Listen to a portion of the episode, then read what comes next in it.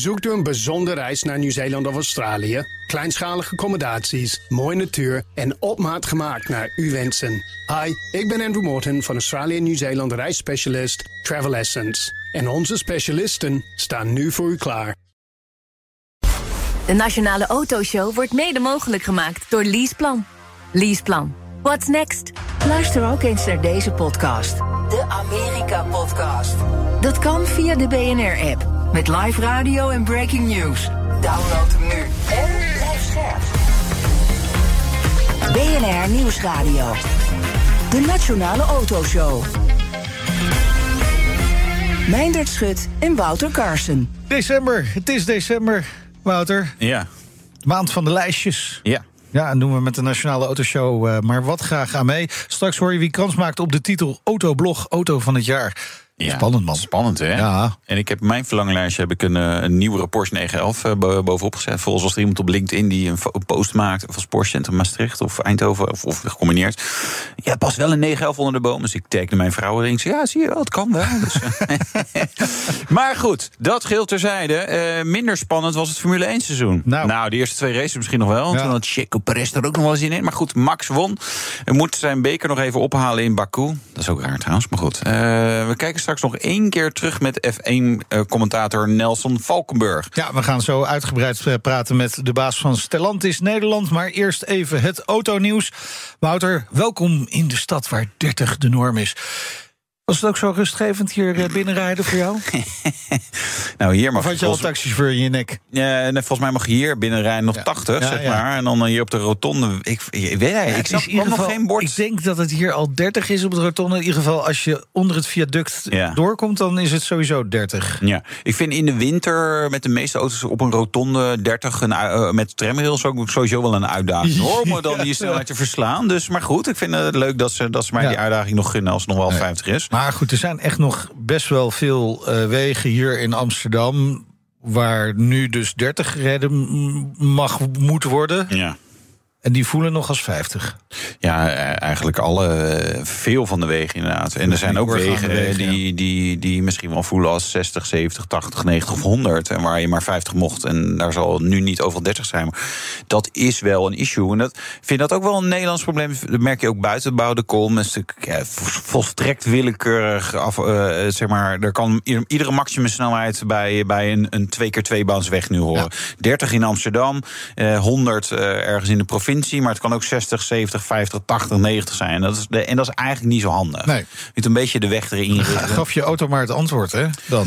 Ja, daar heb je de moderne auto's doen. Die doen een poging. doen een poging, klopt meestal niet. Nee, Dus, precies. eh, en, eh, nou, en dan moet ik je de mensen uitdagen. En eigenlijk de mensen die, die dit een goed idee vinden, zet hem eens aan. En ga dan eens echt 30 rijden. Of eigenlijk langzamer, hè? Want het is een maximum Ja. snelheid. Dus nou, laten we 25 zeggen dat je gaat rijden. Dat is echt heel langzaam. Ja. Ja, Maar ja. goed. Nou, voor ons nog geen eh, extra handhaving. Dus eh, nou ja. Ja. we zullen zien of mensen zich eraan houden. Hè? Ja, zeker. Tesla zit in vieze papieren. Want heel Scandinavië keert zich nu tegen het merk vanwege het Zweedse CAO-conflict. Wat is dit voor eh, uitdrukking? Vieze papier? Is dat iets Amsterdams? Vieze papier? Ik weet het ook niet. Dat is denk ik Limburgs. of zo. Limburgs. We kijken even, ja. Nou ja, dus ze zitten in de problemen. In Toch? de problemen. Ze hebben ruzie. Ze hebben ruzie. ja. Zoals, zoals, ze- eh, hebben ze nou mot met elkaar? Denk Daar het. zo, zo zeggen we dat in Rotterdam. Ja, een Zweeds CAO-conflict. Ja, het wordt wel problematisch. Volgens mij eh, langzaam heel Scandinavië denkt... hey, Elon Musk en Tesla... Nou ja, die ene vinger steken we op naar jou en eh, zoek het maar uit. Nou hebben ze niet heel veel personeel eh, daar, want ze hebben geen fabrieken. Dus Nee. ze hebben alleen maar wat mensen die nou ja, wat auto's verkopen en van de boot afrijden en zo. Dus. Maar goed, als ze niet van de boot worden afgereden, dan gaan ze niet naar klanten en worden ze niet verkocht. Dus ja. Nee. Bestaat, hey Maserati, bestaat dat al? Eh, ja, volgens mij wel. Ja, ja. ja, ja. Oh, leuk. Ja. Ja, want eindelijk een teken van leven. Weer. Het zijn niet eens blij dat het jouw woorden zijn. Eh, heb ik weer. Nou, het is ook Stellantis, hè, is Maserati? toch- het is Pas toch op, zo? hoor. Eh, Het is lang stil geweest. Ja, nou ja, lang, lang, lang. Eh, voor, voor Maserati doen hebben ze eigenlijk best veel te vermelden gehad de laatste tijd. Maar er komt ook een eh, Gran Turismo. Dat is eigenlijk Ja. zeg maar de oude Gran Turismo hebben ze nieuwe voor- en achterbumper gegeven. Eh, als je er heel goed naar kijkt. Maar ook helemaal elektrisch gemaakt. Dat is de Volgore. Ja. Niet Volkoren, maar en met een F en met een G. Folklore. Eh die kost net geen 2 ton. Oh ja, en wat krijg je dan? 750 pk vierwiel aangedreven EV die 325 km per uur moet rijden, kunnen rijden. Niet daadwerkelijk een uur, want is die accu al twee keer leeg. Maar uh, ja, in de basis ergens interessant. Uh, maar we zien wel, dure EV's ja. is eigenlijk een hele, hele, hele slechte markt. De Nationale Autoshow. Ja, die lieten we even hangen, die opmerking. Met de introductie van een nieuw elektrisch platform en de comeback van Lancia staat Stellantis, het moederbedrijf van Peugeot, Citroën, Opel, enzovoort, Jeep, Fiat, Jeep, ja, ja. Alfa Romeo, Maserati, CS. DS? Oh ja, ook nog. Ook nog. Ja, ja, ja, we hebben. Nou, er kan niet nog een merk bij, denk je, vraag je dan af, hè? Nee, maar uh, uh, misschien toch wel. Ja. Uh, Stellantis staat daarmee in ieder geval aan de vooravond van een belangrijk jaar. Sander Jans is managing director van Stellantis in Nederland. Welkom, leuk dat je er bent. Bedankt voor de uitnodiging. Je geeft leiding aan de Nederlandse tak. Het wereldwijde hoofdkantoor van Stellantis is gevestigd in Hoofddorp. Ja. En, en je bent meer dan een baas van een brievenbus? Nee, nee, dat zijn twee gescheiden dingen. We hebben het kantoor in Nederland, ja. dus de, de National Sales Company, zoals we die noemen.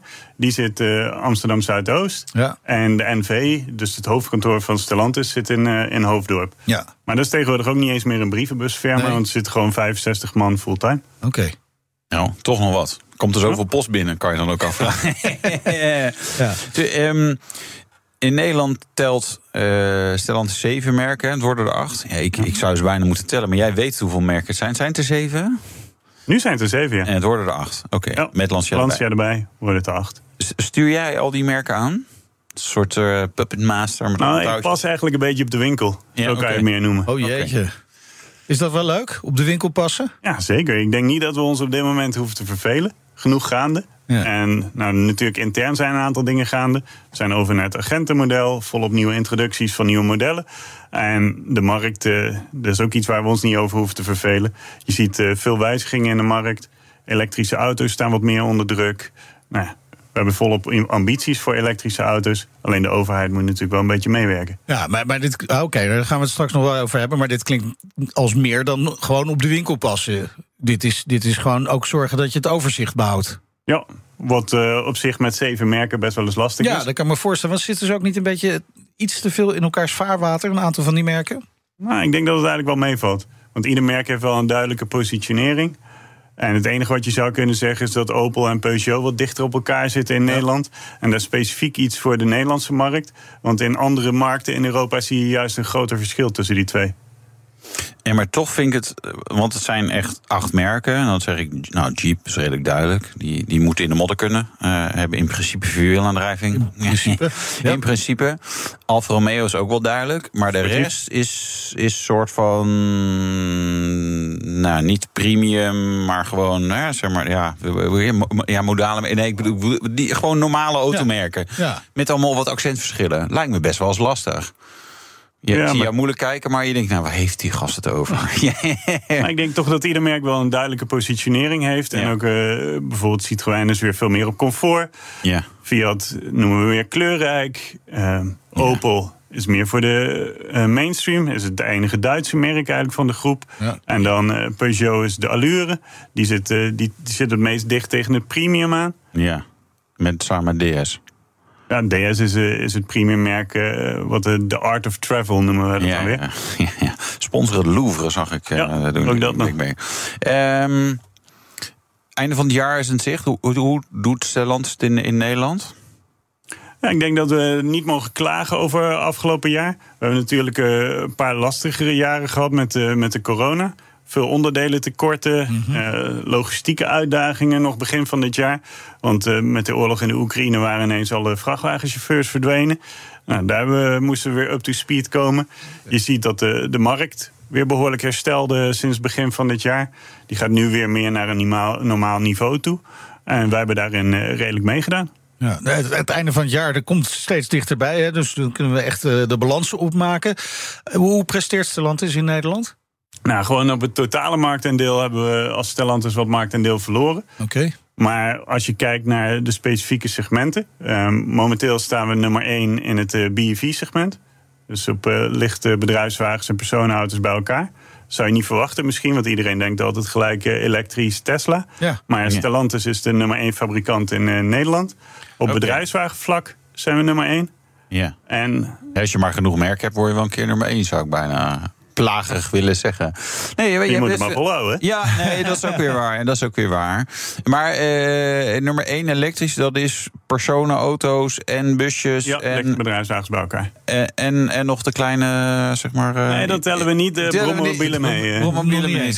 Oké, okay. die, die noemen wij dan weer quadracycles. Dat klinkt nog net iets mooier. Ja, oh ja. Hoe even onthouden. We gaan in januari een grote test doen met al die dingen. Dus Leuk, dan moeten we even, even zien ja. hoe dat heet. Ja. Oké, okay. nou, nee, nee, we, dat hebben er, we je... hebben er volgend jaar drie.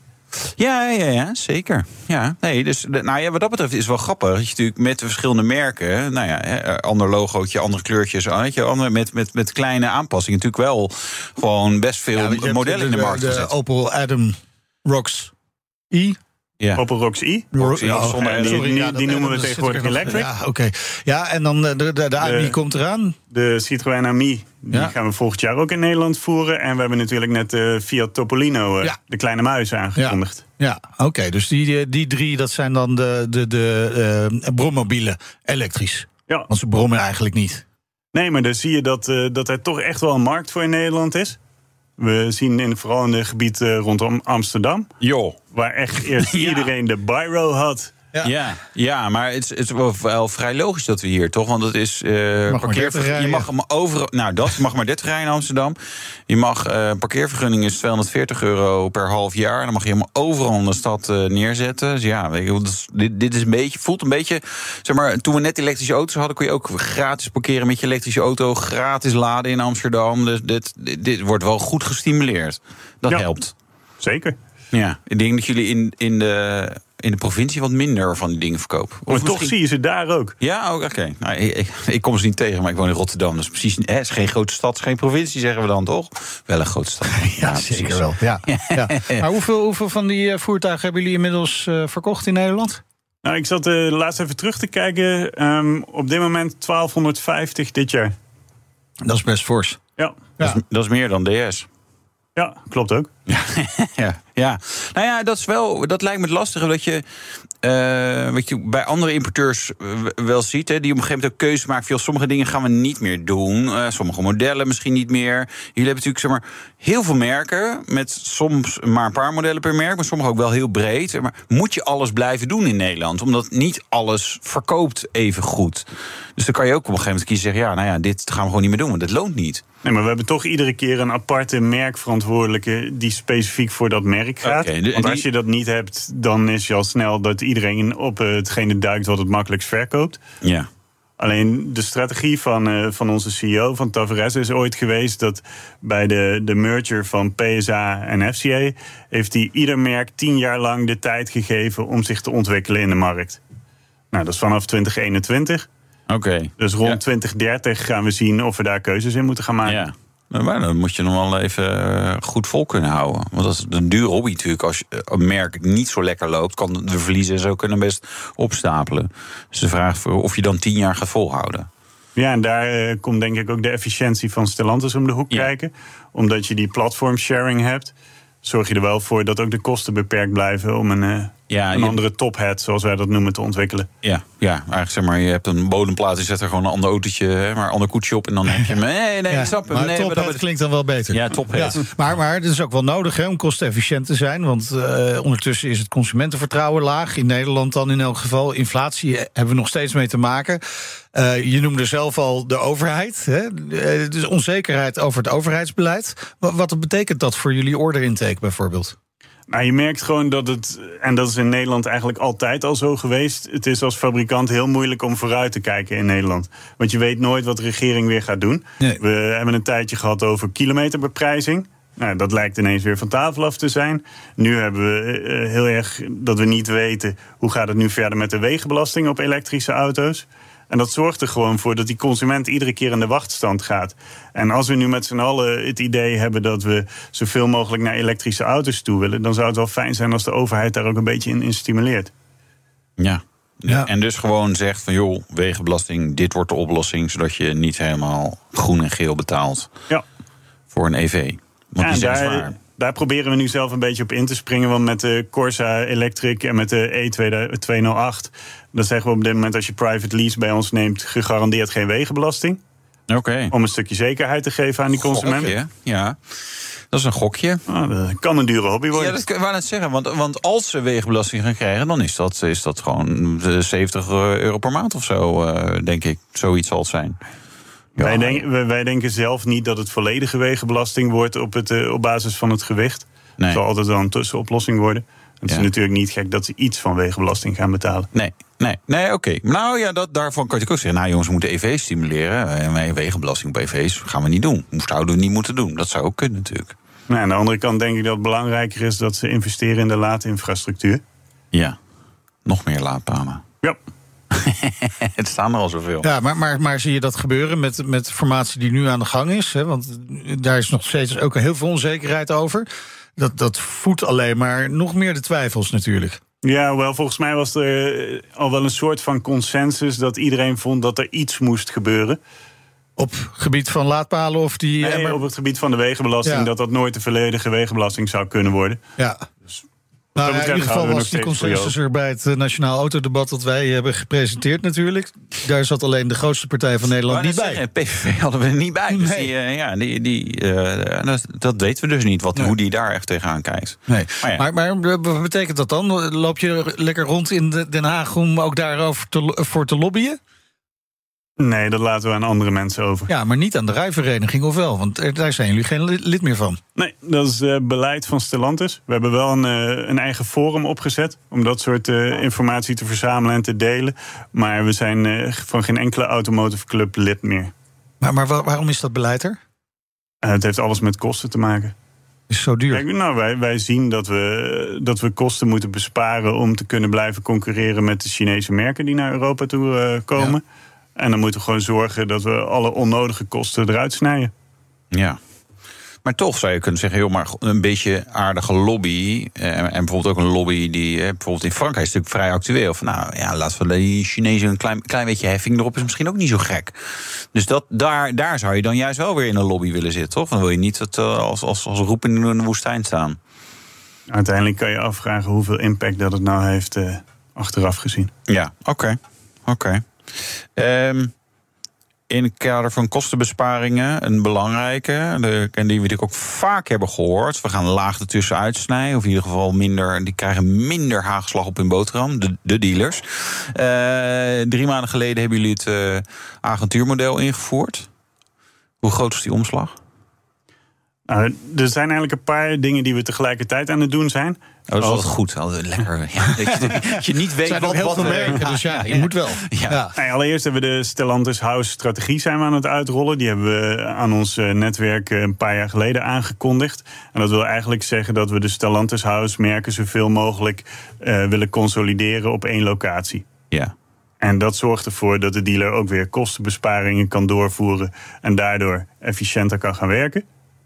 En dat maakt dat wij de kosten verder in de keten kunnen reduceren. ja. Nou, daarbovenop het agentenmodel. Agentenmodel is niet, niet puur een kostenbesparing. is ook een stukje transparantie naar de klant toe.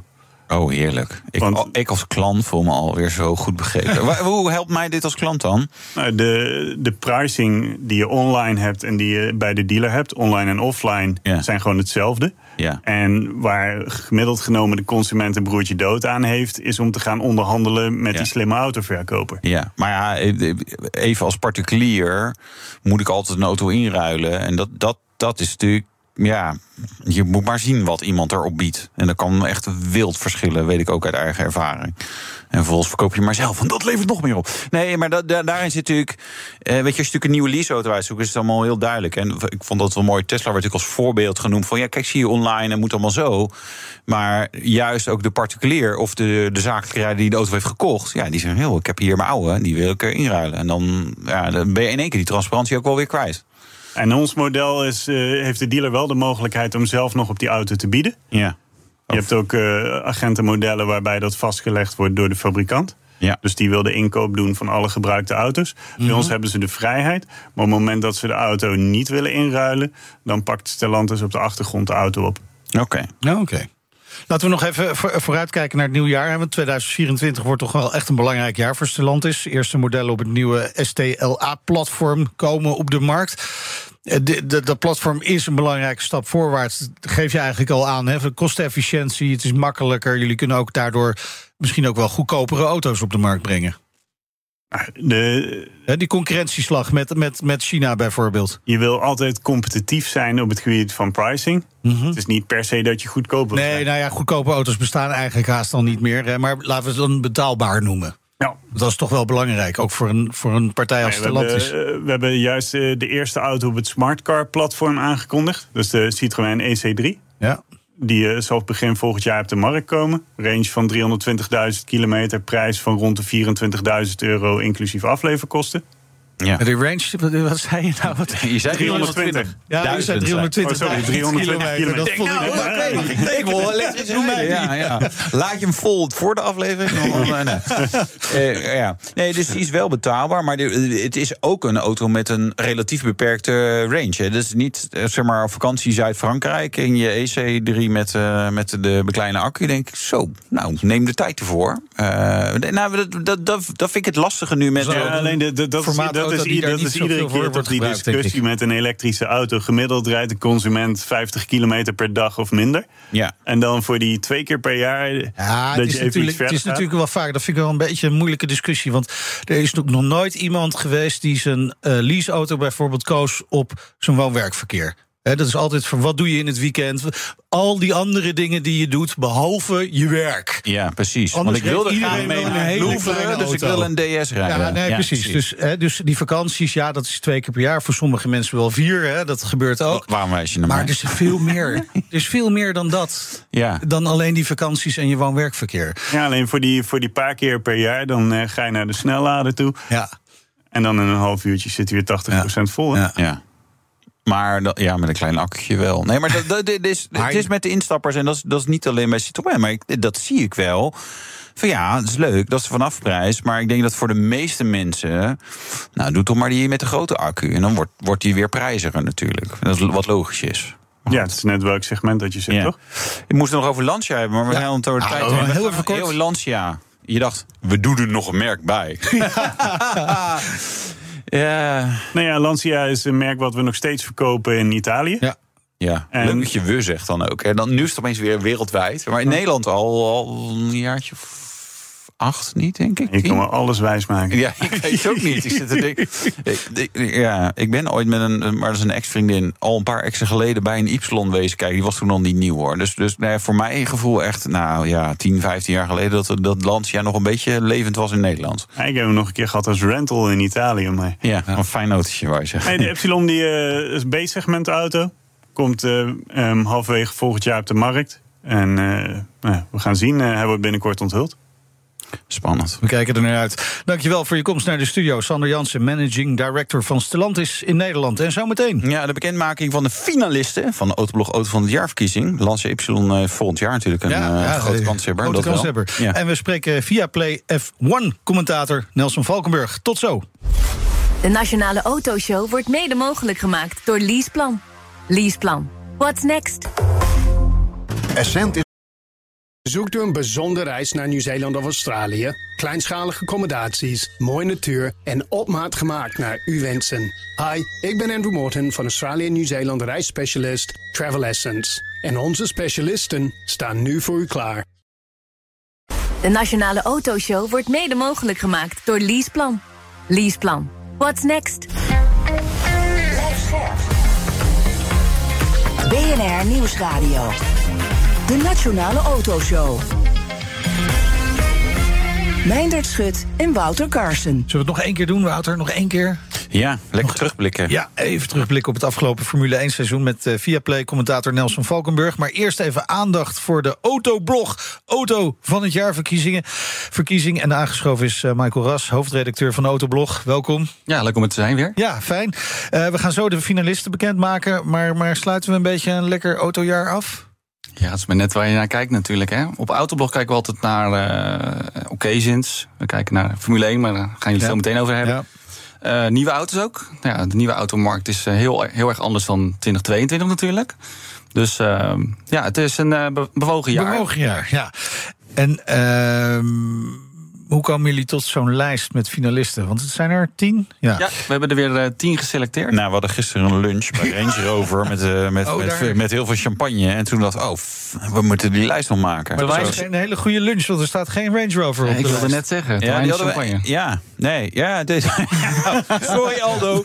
ja, dat, dat kwam. En nou toen ik eh, viel hetzelfde. We kregen wel allerlei champagne tastings. Toen dachten we, nou, dan krijgen we misschien ook een leuk flesje mee. Maar dat was deze keer niet. dus toch gewoon... eh, Met zo'n zwart label, toch? Ja, ja, ja, is jammer. Ja. Dus, ja, dus geen eh, Range Rover erbij. Zo werkt dat, hè? Nee. Nee, Zo we zoeken altijd eh, de auto's uit die daadwerkelijk dit jaar er voor het eerst waren. Die we Ja. konden rijden, of onze eh lezers. Ja. Dus geen droomscenario's. Nee, dus, eh, precies. ik noem altijd ook- als voorbeeld... Er zit ook wel wat tussen wat echt pas net Ja. Naar buiten is gekomen. Maar goed, daar zullen we het zo over hebben. Ja. Want het is natuurlijk niet zomaar een titel. Hè. Het is er eentje met historie. Hoeveel jaar al? Ja, 2015, eh, de eerste. Ja, ja, precies. Dat Voor, was een- coro- voor corona was dat nog, joh. Een hele, hele degelijke keuze was dat van onze lezers. Want het is altijd natuurlijk een keuze van de lezers. Hè? We laten mensen stemmen. Ik zei 90. Volvo. 90. Kijk. Nou. Ja. En daarna kwamen de problemen. ja, daarna heel veel Porsches. Nee, nee. Ja, heel gek. Ja, ik weet ook niet hoe dat komt. Nee.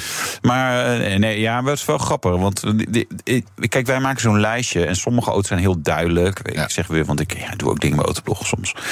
Ehm, zo'n lijstje. En de- sommige auto's zijn heel duidelijk. Denk je, ja, die moet erop. En dan denk je, ja, kan of Ja. niet. Ja, is die autoblog, eh, weet je wel, een XC90 is wel gaaf. Maar het is, eh, om even te een teaser. We hebben ook nu de Ferrari Puro Sanger erop. Ook een crossover. Maar ja, weet je, toch ander, ander kaliber dan de Iets, XC90. Eh, dus ja, weet je, hoe moet je daar eh, voor, voor kiezen? Dus dat is, eh, dat vind, dus soms Ja, best lastig. Michael. Absoluut, Ja. absoluut. En, en je denkt dan van, nou, zeker bij Autoblog, het zijn allemaal autoliefhebbers die dat Ja. lezen. Dus eh, ga maar weg met je EV, dat, eh, die wordt nooit gekozen. Maar, maar, maar zullen we dan maar naar de lijst eh, toe gaan? Want Ja. er staan wel wat EV's op. En de eerste, nou ja, er is al één auto genoemd, hè, de Ferrari Purosangue. Ja. Precies, ja. Eh, als je 390.000 euro in je, in je zak hebt zitten, dan ga je het er niet mee halen, want ze zijn al uitverkocht. Dus dan moet je Ja. iets meer betalen om iemand eh, de sleutels eh, afhandig Ja. te maken. Ehm, Kia EV9. Oh, Van de vele auto's die je kan kiezen natuurlijk, en vele EV's, is dit echt wel een markant model. Dus, eh, zeker. Persoonlijk denk ik van, nou ja, ik wilde eerst een ID-bus EV, maar dit is, ja, het is een beetje een blokkendoos, zeg ik, eh ja, maar ik werd er ook wel een beetje enthousiast Ja, je van. werd er ook eh hebberig van. hè? Ja.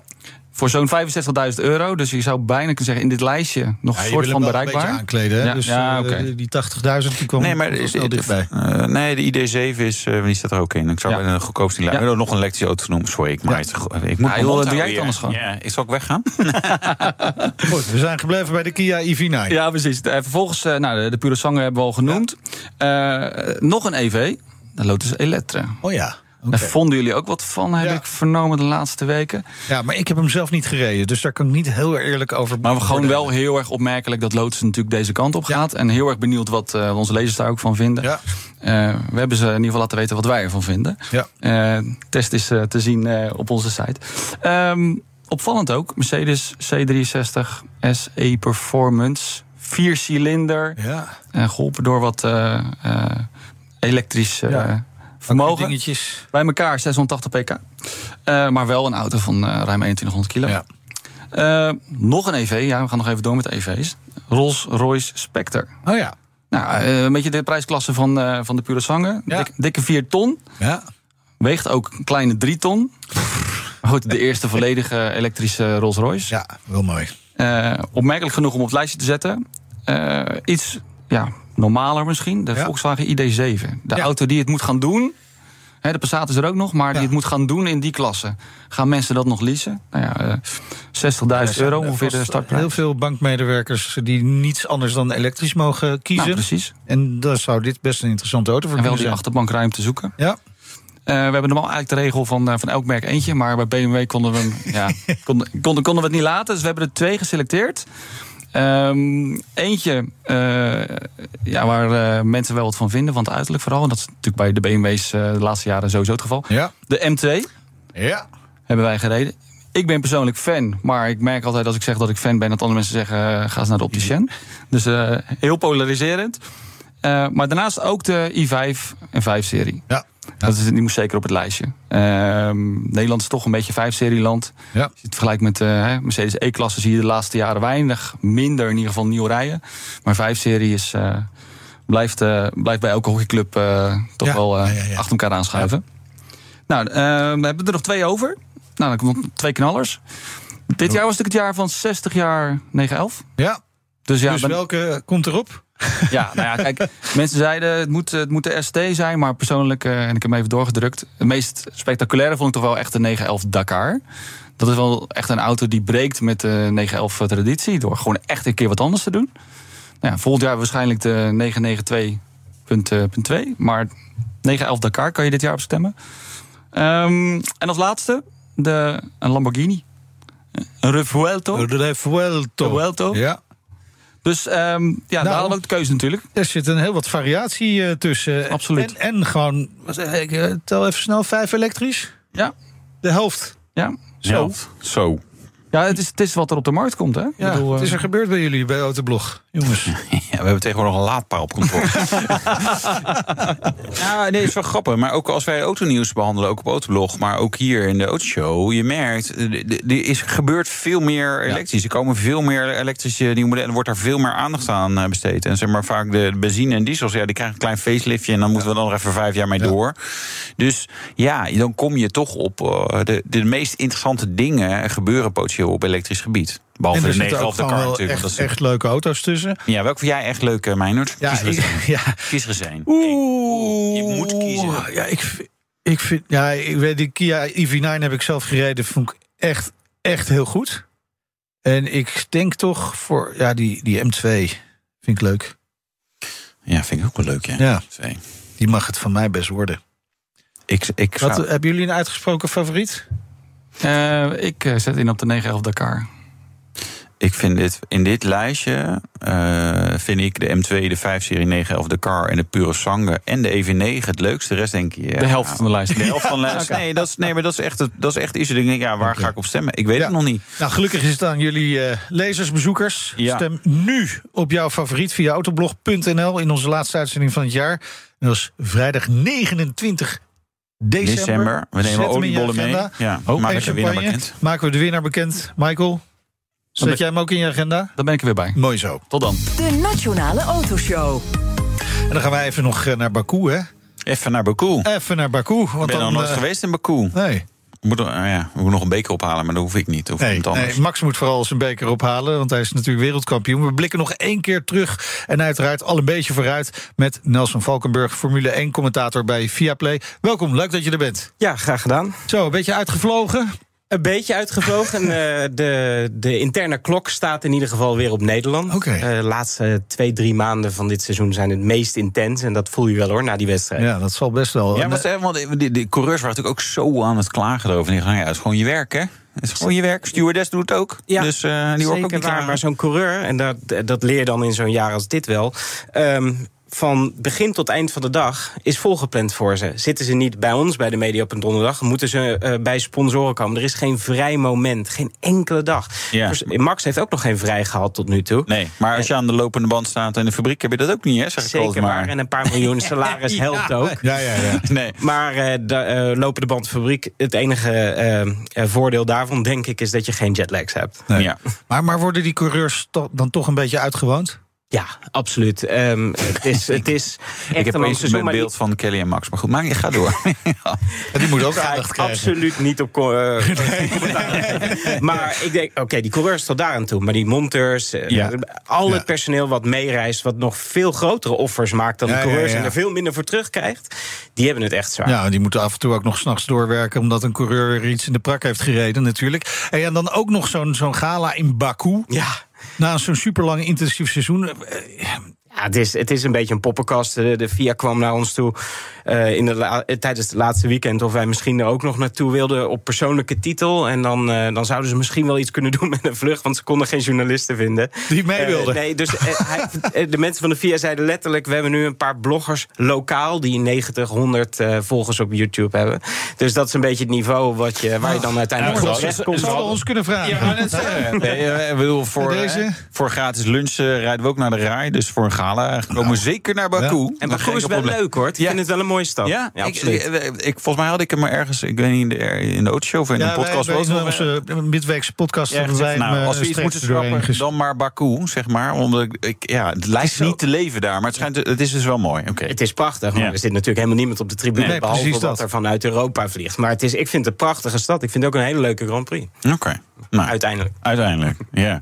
Eh, maar goed, wie bedenkt er dan nog zo'n gala aan Baku? Ja, er zal ongetwijfeld aan verdiend worden. Weet je, ze hebben ervoor betaald ongetwijfeld. En eh, dat is dan een... eh, de- wat je in Nederland hebt qua autosportbond... heb je natuurlijk ook in Azerbeidzjan. En die heeft daar gewoon geld voor neergelegd. En Ja. dan Ja. worden ze in één keer relevant. Ja. Ja. Maar, maar Nelson, als iedereen in de Formule 1-wereld klaagt over het idiote reisschema aan de drukte, is het dan niet gewoon te veel van het goede geworden? Het is natuurlijk, het gaat allemaal om, om de centen, om de kijkcijfers, om de, Ja. de, de- de reclames, dat soort dingen. Er gaat een breekpunt komen, maar voor de, de eigenaren van Formule 1, voor FOM, is dat breekpunt er gewoon nog altijd niet. We zien volgend jaar ook 24 races Ja. op de kalender.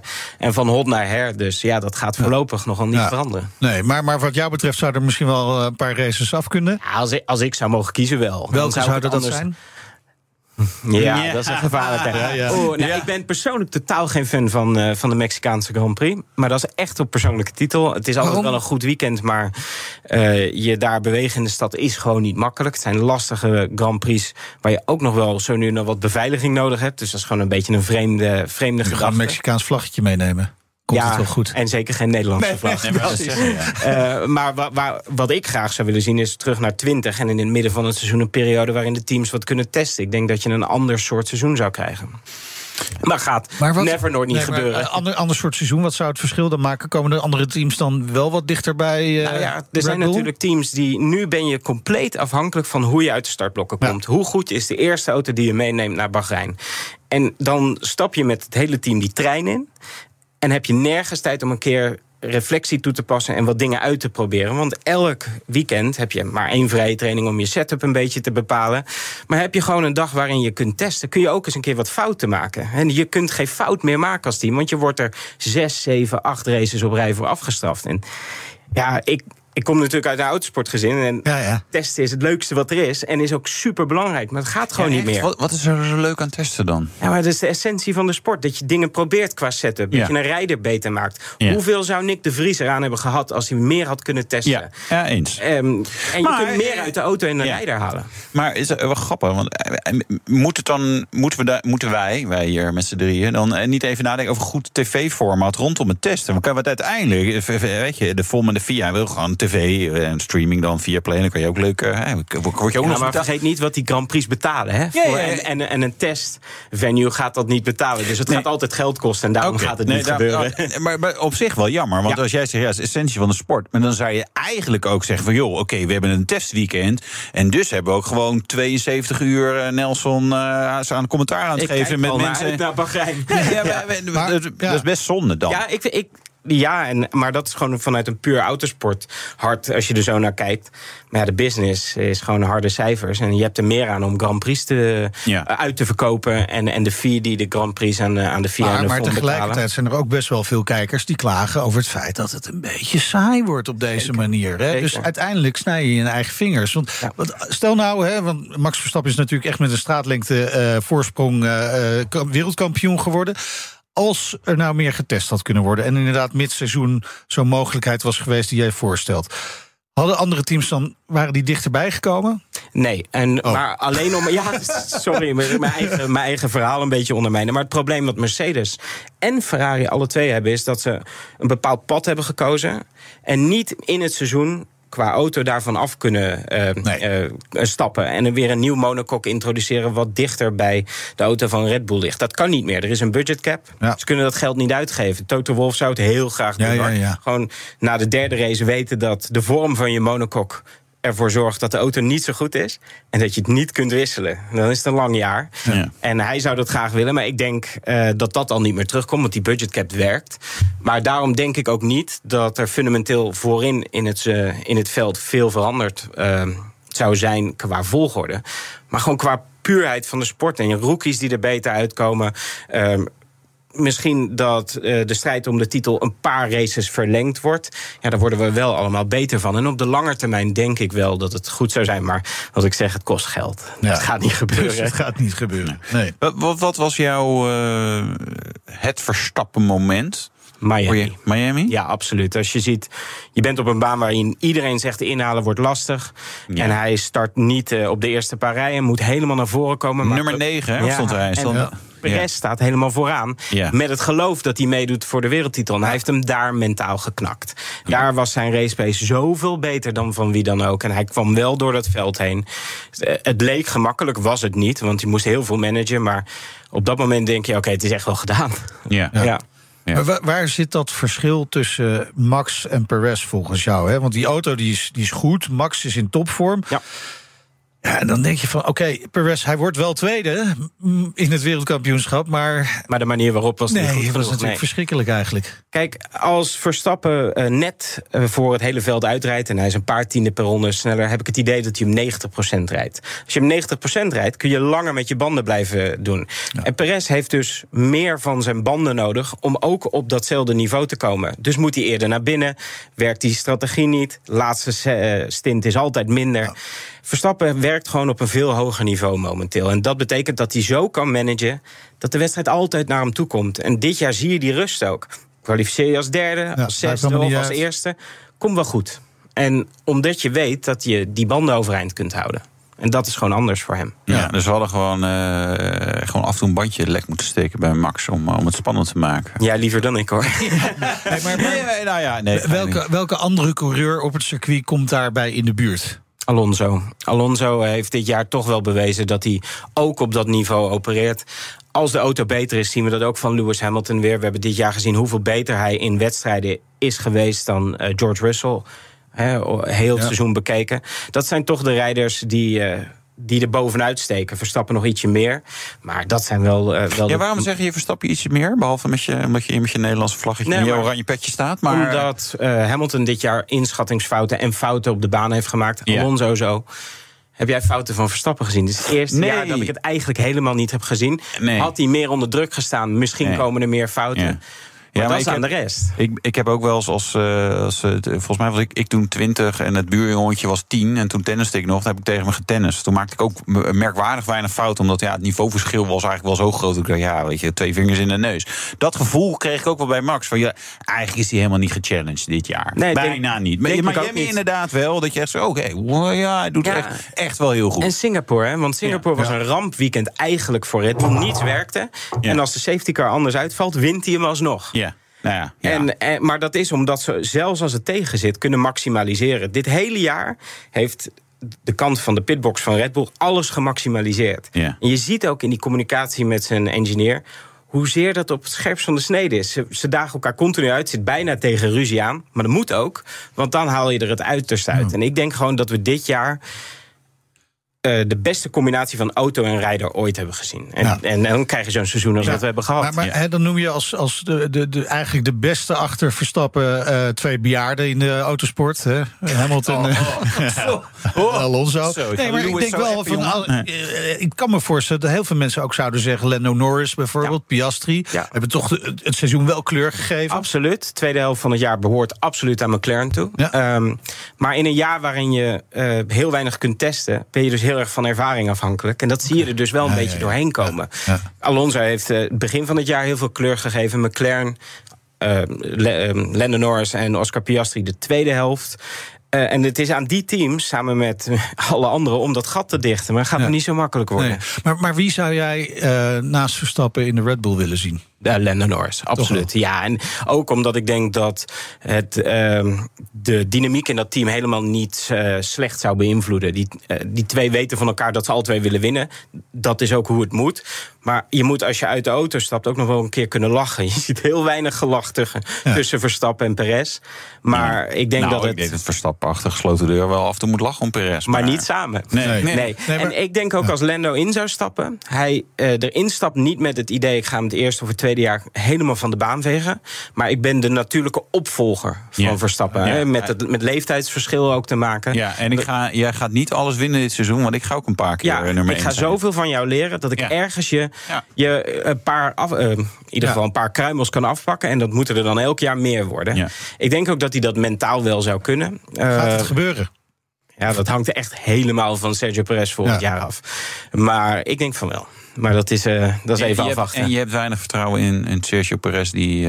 Ja, ik denk dat binnen het Red Bull-concern het verhaal al geschreven is. Ja. En hij moet wel echt zo'n goed seizoen hebben om dat weer te wijzigen. Hè, om ze toch te overtuigen. ja, Anders, anders wordt het een ander verhaal. Ja. En dan ga je eigenlijk ook al met een achterstand erin. En, en, en zeg maar toch die spanning. En dan, hè, dan verziek je weer zo'n kwalificatie of een race of een pitstop. hij neemt heel veel mentale bagage Ja, mee ja, volgend ja, jaar. Absoluut. Die eerste races moeten top zijn, anders is het Ja, gewoon eh, ja. heel snel een probleem. Ja, die, de eerste races gaan we even naar het nieuwe seizoen kijken. Gaat er nog veel veranderen?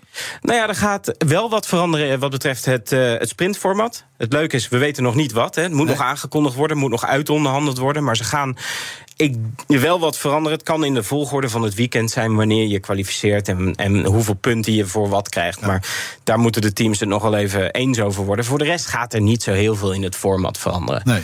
Ehm, en ook de reglementen blijven stabiel. Dus ja, dat is voor eh, Red Bull heel lekker. Ja, dus de dominantie van Red Bull duurt nog een seizoen voort waarschijnlijk. Je moet daarvan uitgaan. Maar je hebt ook gezien wat er gebeurt als een team wel eh, in één keer een stap maakt. Wat McLaren heeft gedaan is ongehoord. Nu is de vraag of zij de volgende stap kunnen maken. Die is altijd het moeilijkste. Maar het kan wel. Het team van Mercedes zit nog steeds vol met engineers die eh, tien jaar lang de beste auto bouwden. Dus het moet wel kunnen. Alleen ja, er is, zo lijkt het, één weg die naar Rome leidt. En Red Bull ligt wat voor op die weg. Ja, en op die weg zit eh, Viaplay in elk geval ook nog Ja, zeker. volgend seizoen. Zeker. Ik heb een hele bij. mailbox vol met tickets en, eh, en hotelboekingen. Dankjewel, Nelson Valkenburg, F1-commentator bij Viaplay. Volgende keer, Melroy, gewoon weer erbij gezellig. Ja, we, we doen het even om en om. Vorige, vorig jaar lag ik eh, Ja. echt heel ziek op bed. Dus we hebben het even zo gedaan. Goed. Dit was de Nationale Autoshow. Terugluisteren kan via onze website, via onze app... maar ook een podcastplatform eh, naar keuze. Ja, abonneer maar. Volg ons. Twitter, Facebook, Instagram, X, LinkedIn. Wat ik we allemaal doen. Ja, ik ben Meijnerd Schut. En ik ben Wouter Karsen. Tot volgende week. De Nationale Autoshow wordt mede mogelijk gemaakt door Leaseplan. Leaseplan. What's next? Zoekt u een bijzondere reis naar Nieuw-Zeeland of Australië? Kleinschalige accommodaties, mooie natuur en op maat gemaakt naar uw wensen. Hi, ik ben Andrew Morton van Australië Nieuw-Zeeland reisspecialist Travel Essence. En onze specialisten staan nu voor u klaar.